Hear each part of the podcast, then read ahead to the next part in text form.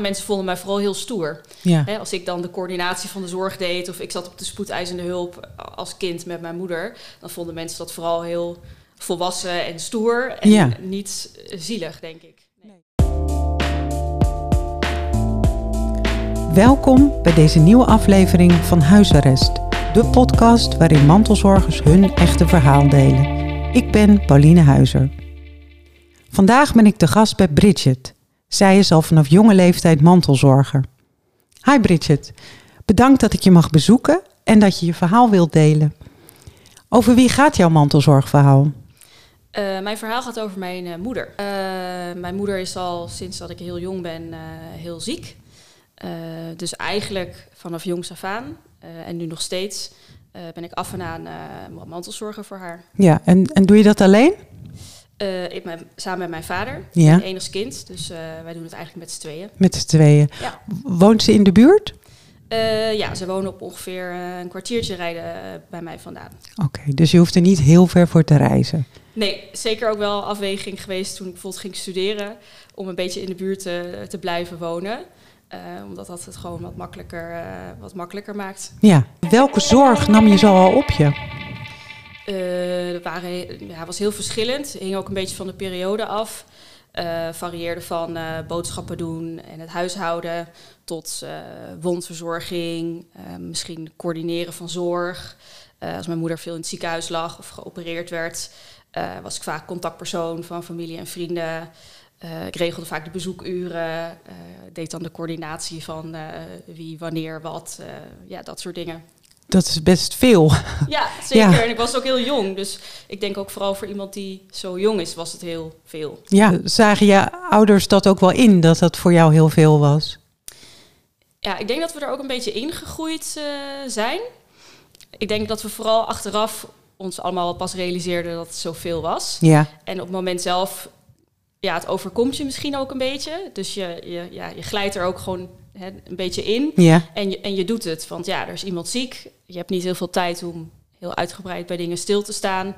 Dus ja, dan, dan, dan gaat dat gewoon draaien. En dan denk je weinig na over ja, hoe is dat eigenlijk? Ja, ja, ja. en wat voor effect heeft dat op een kind. Ja.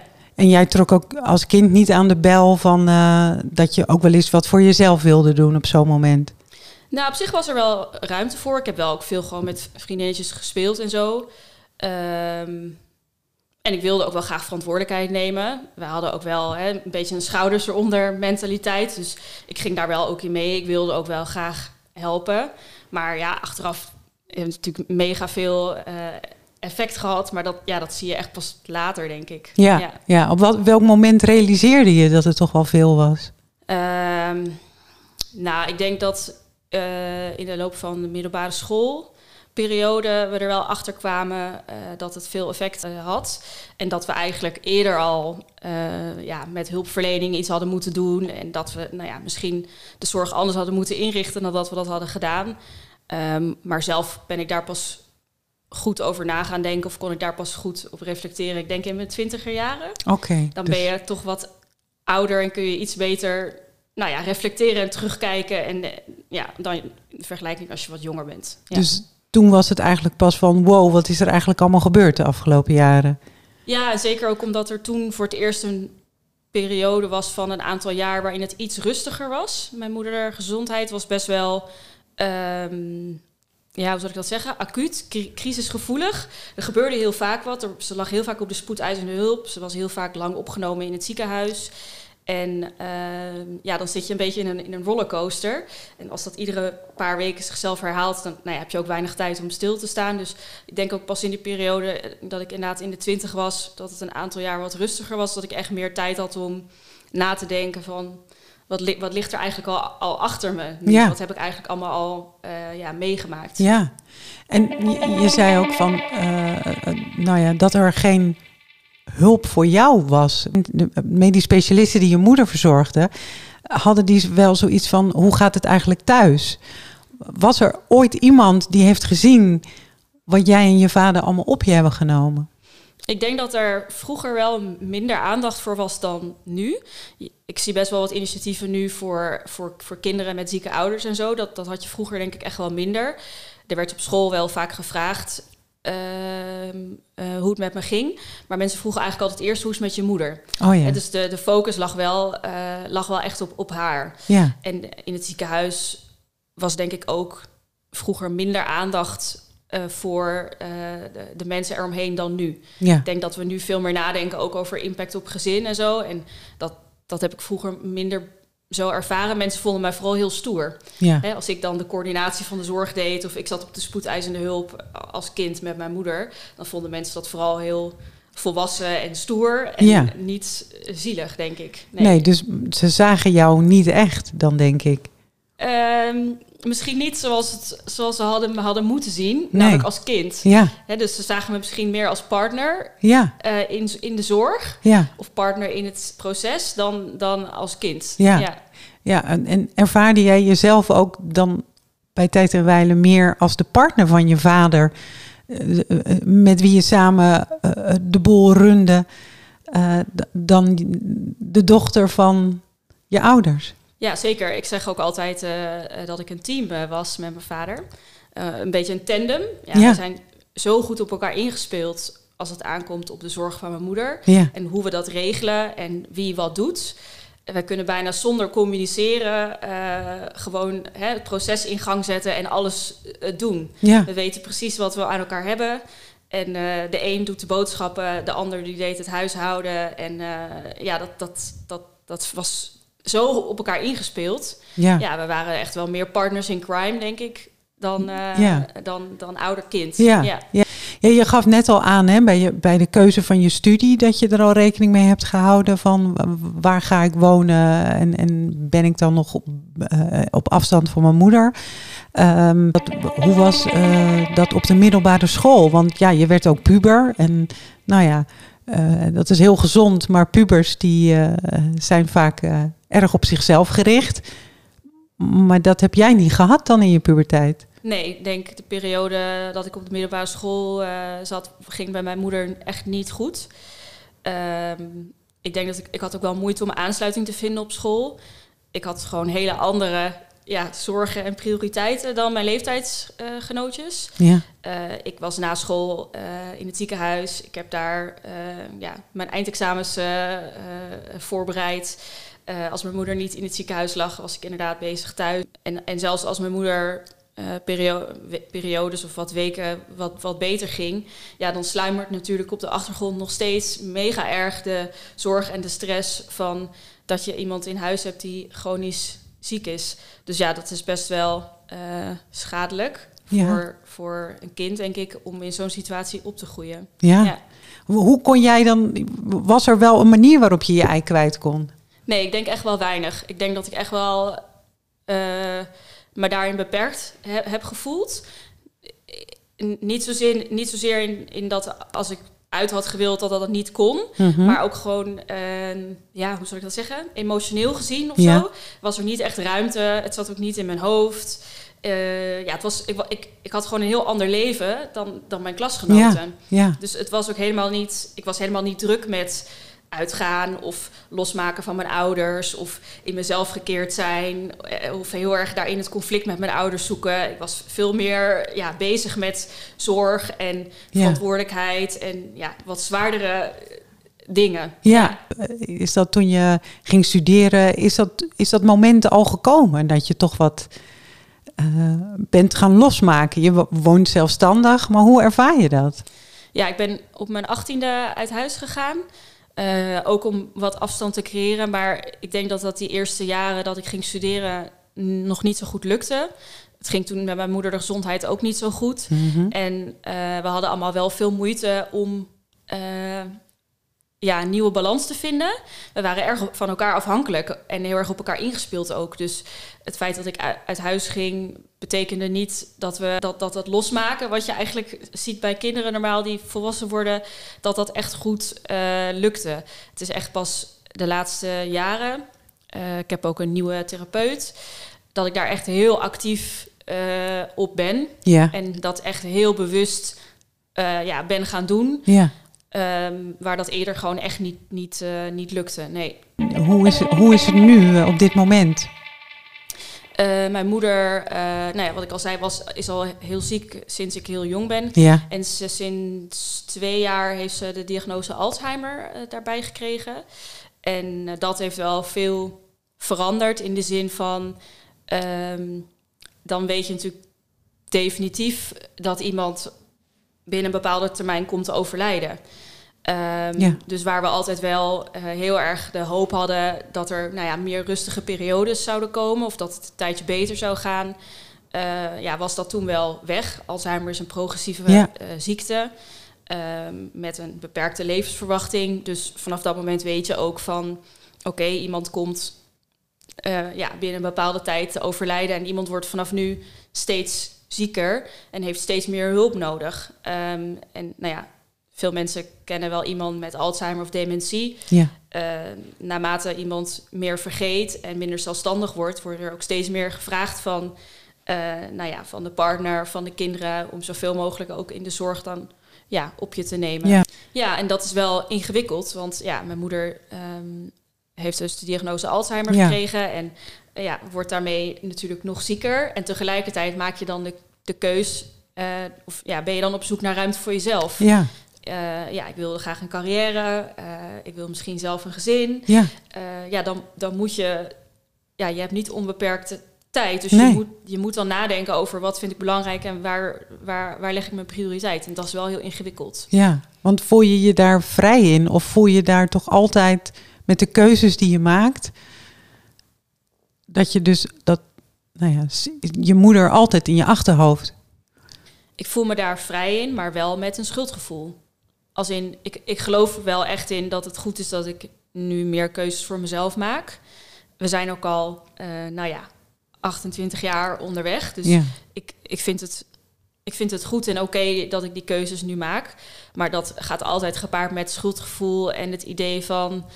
Ja, je hebt ook een verantwoordelijkheid naar, naar je ouders of naar mijn Ja. moeder in dit geval... om voor haar te zorgen. En eh, ja, het voelt natuurlijk wel alsof ik haar eh, en mijn vader trouwens ook... Ja, in de steek laat, soms. Ja. En hoe zien zij dat zelf? Eh, nou ja, kijk, zij willen natuurlijk bovenal dat ik voor mezelf ook kies Mhm. en dat ik zelf gelukkig ben.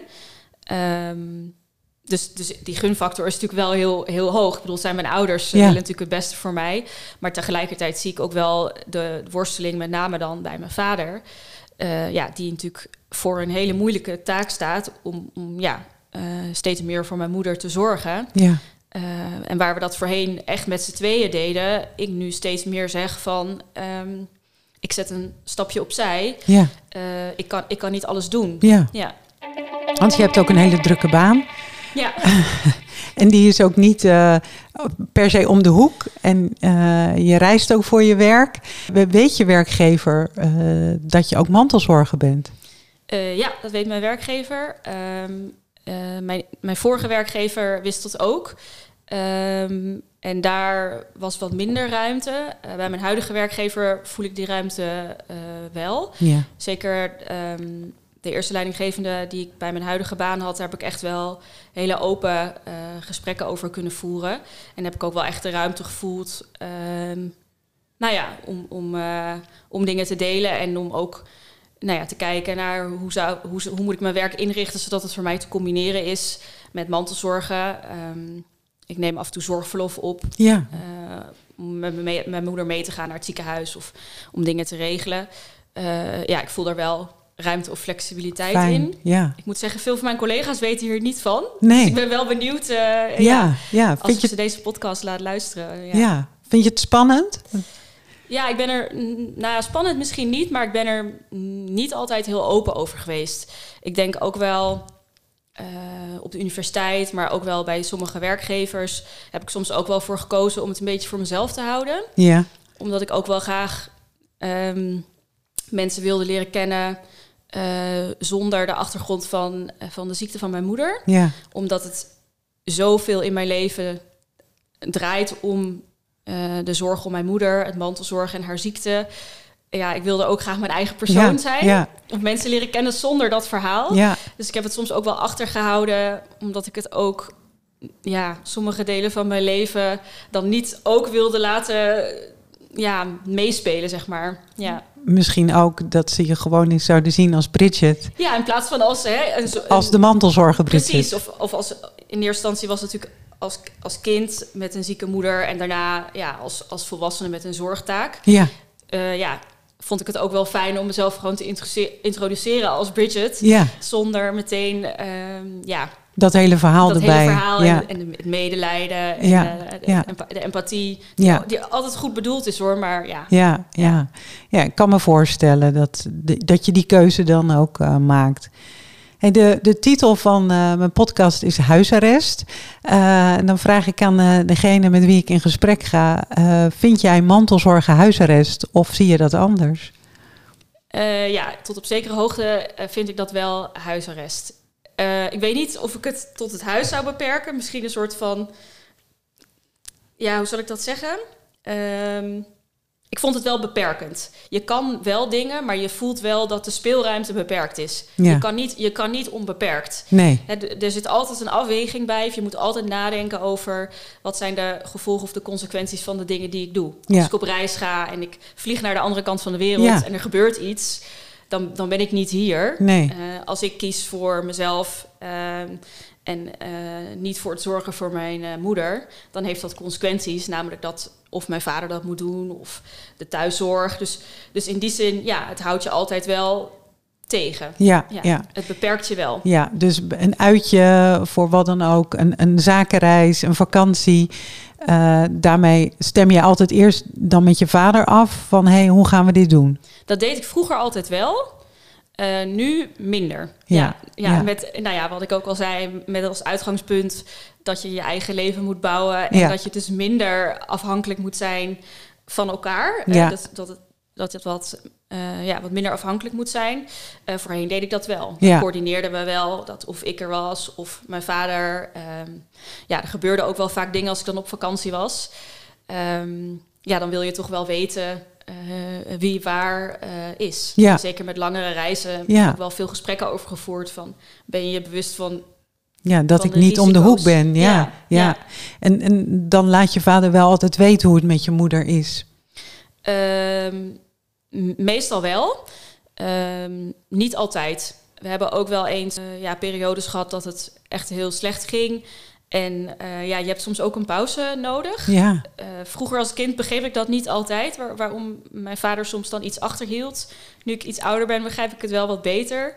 Soms is het goed om ook een paar dagen er even uit te zijn, zonder dat je slecht nieuwstelefoontjes krijgt. ja, Ehm, dus toen ik iets ouder werd, hebben mijn ouders soms wel eens gewacht met me bellen. Ja. Eh, als, er, als er bijvoorbeeld weer een opname was of iets en ik was dan in het buitenland, dat ze, dan namen ze geen contact op. Dan Nee. wachten ze tot ik belde voordat ze dan zeiden wat er aan de hand was. ja, ja. Om mij toch iets extra tijd te gunnen. Dat ja. je even onbezorgd kon zijn ook, voor zover mogelijk. Ja, Ja, je, je, ik wilde nog even over, over je vader, hè? want als ik je zo beluister, ben je ook heel zorgzaam naar je vader. Ja. En eh, ja, daar zit ook best wel een zorgelement dus in. Ja, wie is er anders voor hem? ja, ik denk dat mijn verantwoordelijkheidsgevoel richting mijn vader misschien wel groter is dan het verantwoordelijkheidsgevoel richting mijn moeder. Omdat we het zo samen hebben gedaan. Ja, Eh, en ehm, ja, daarin wil ik mijn moeder natuurlijk niet, niet buitensluiten of zo. Maar ja, als mijn moeder in het ziekenhuis eh, lag, en da- daar lag ze heel vaak, ja, dan was ik eh, met mijn vader. ja, Dus ja, ik, in die zin is dat een beetje mijn maatje en, en voel ik me de verantwoordelijkheid ja, eh, vooral naar hem. ja, Ja. ja. Jee, ik vind, het, ik vind het echt een heel bijzonder verhaal, eh, Bridget. Heb jij zelf eens hulp gevraagd? Dus eh, aan een oom of tante, een buurvrouw eh, bij het mantelzorgen? Toen ik jonger was, echt middelbaas of basisschool ehm, leeftijd. Ja, toen ik op de basisschool zat, ehm, toen heeft mijn tante een tijdje uh, part-time bij ons in huis gewoond. Ja, Toen was ik ook echt nog te jong om ja, alleen te zijn. Ja. Hè? Dus als je jaar of vijf, zes bent, ja, dan heb je wel echt nou ja, iemand nodig thuis. ja, Eh, toen heeft mijn tante eh, een paar dagen in de week bij ons in huis gewoond om dan voor mij te zorgen en ook een deel van het huishouden dan te doen. ja, En ik denk zo vanaf de middelbare school, eh, vanaf dat ik een jaar of dertien was of zo, eh, ben ik wel ook in therapie gegaan. ja, Ja. En in de tussenliggende periodes ja, iedereen was wel altijd heel begaan. Uh, hè, docenten op school en vrienden van mijn moeder. Ehm, maar of dat, ja, of dat echt genoeg was, dat weet ik niet. Ik denk misschien van niet. Nee, nee. maar net als die tante die, die in huis was, die hielp dan natuurlijk ook met het mantelzorgen. Maar ja, een docent op school, ja, die kan niks doen nee. Uh, in, in het zorgen zelf. Nee, nee, dat is meer gewoon vragen hoe het gaat. Ja. Uh, veel vriendinnen van mijn moeder die hebben wel mijn kinderfeestjes gedaan. Oh, ja. Die regelden wel de feestdagen en uh, de balletvoorstellingen en dat soort dingen. Ja. Um, maar ja, ik zou iedereen wel aanraden, zeker als je een jong gezin bent en, en er is sprake van mantelzorg. Ja. kijken of je iemand in je omgeving hebt waar je kind mee kan praten, anders dan jijzelf. Ja. Ik denk dat kinderen zich altijd minder vrij voelen om rechtstreeks met hun ouders het er misschien over te hebben of eerlijk te zijn ja. ten opzichte van iemand die er net ietsje buiten staat. Ja. Uh, of ja, inderdaad, kijken voor maatschappelijk hulp of een psycholoog. Ja. ja. dat er gewoon ook even wat aandacht voor het kind is en die even gewoon, nou ja, daar lucht komt. Um, op de hele situatie die ja, dan vaak natuurlijk al ingewikkeld genoeg is uh, op die manier. Je weet dat je ook nog wel het een en ander weer te wachten staat. Uh, ja, zeker. Ja. ja. En dat zijn ook weer moeilijke keuzes. Want ik ben natuurlijk nu iets ouder. Ja. Uh, ik woon niet meer thuis. Ik probeer een eigen leven ook op te bouwen. Um, ja, dan, dan kom je weer voor hele andere keuzes te staan. Ja, ja. Je hebt al een aantal dingen genoemd uh, van die je achteraf anders zou hebben gedaan. Hè? Ja, je was natuurlijk een kind, dan, dan zit je erin. Maar eh, had je, had je, was het überhaupt mogelijk dat je iets anders zou hebben gedaan? Ik weet niet of je als kind daar echt heel veel keus in hebt. Ja. Ik zou, als ik zelf de ouder was geweest, misschien toch eerder met, iets met hulpverlening doen. Ja. Uh, toch eerder kijken uh, of je ja, of je je kind dan structureel iemand kan bieden om toch mee te praten. Ja. En um, ja, sommige verantwoordelijkheden um, zou ik misschien anders hebben ingericht. Ik denk dat het oké is dat tot op zekere hoogte je bijvoorbeeld helpt met boodschappen doen of met het huishouden. Um, als het gaat over dingen zoals coördinatie van zorg, wondverzorging, um, mee naar de spoedeisende hulp, uh, dan zou ik daar andere mensen voor zoeken ja. ja die ouder zijn. Ja, ja, ja. Heb je verder nog tips voor mensen uh, van je eigen leeftijd of andere mensen uh, die in een vergelijkbare situatie zitten, wat jij hen aanraadt? Um, nou, wat ik volgens mij aan het begin al zei, je glijdt er heel makkelijk in. En uh, voor je het weet, uh, ja, ben je heel erg veel aan het zorgen. En heb je niet zo bewust nagedacht over de keuzes die je daarin maakt. Um, er zijn op zich ook wel veel opties om wel hulp te krijgen. Dus um, ik doe zelf met mijn vader vaak een kwartaallunch. We gaan dan eens in de drie maanden lunchen en dan bespreken we nou ja, hoe het gaat mm -hmm. met ons, met mijn moeder. Uh, en of er iets nodig is, ja. of er iets geregeld moet worden en wat we dan uh, wat we daar dan voor kunnen doen. Ja. En dat helpt wel heel erg om echt wel het gesprek aan te gaan met elkaar en nou ja, te voelen of te horen van hoe is het met iedereen en wat, wat kunnen we praktisch regelen. Ja. En als je dat niet doet, dan, uh, en je voert daar het gesprek niet over en je, je zoekt niet naar hulp, dan voor je het weet doe je alles zelf. Ja. Dan ben je jaren verder ja. zonder dat je daar echt bij stilgestaan hebt. Dus mijn tip zou zijn, neem afstand. Uh, en en uh, ga in gesprek met iemand. Uh, het kan ook je buurvrouw zijn of iemand die er wat verder van afstaat. Ja. Ehm, en maak een plan eigenlijk. Ja, Maak een plan. maak een plan, ja. ja.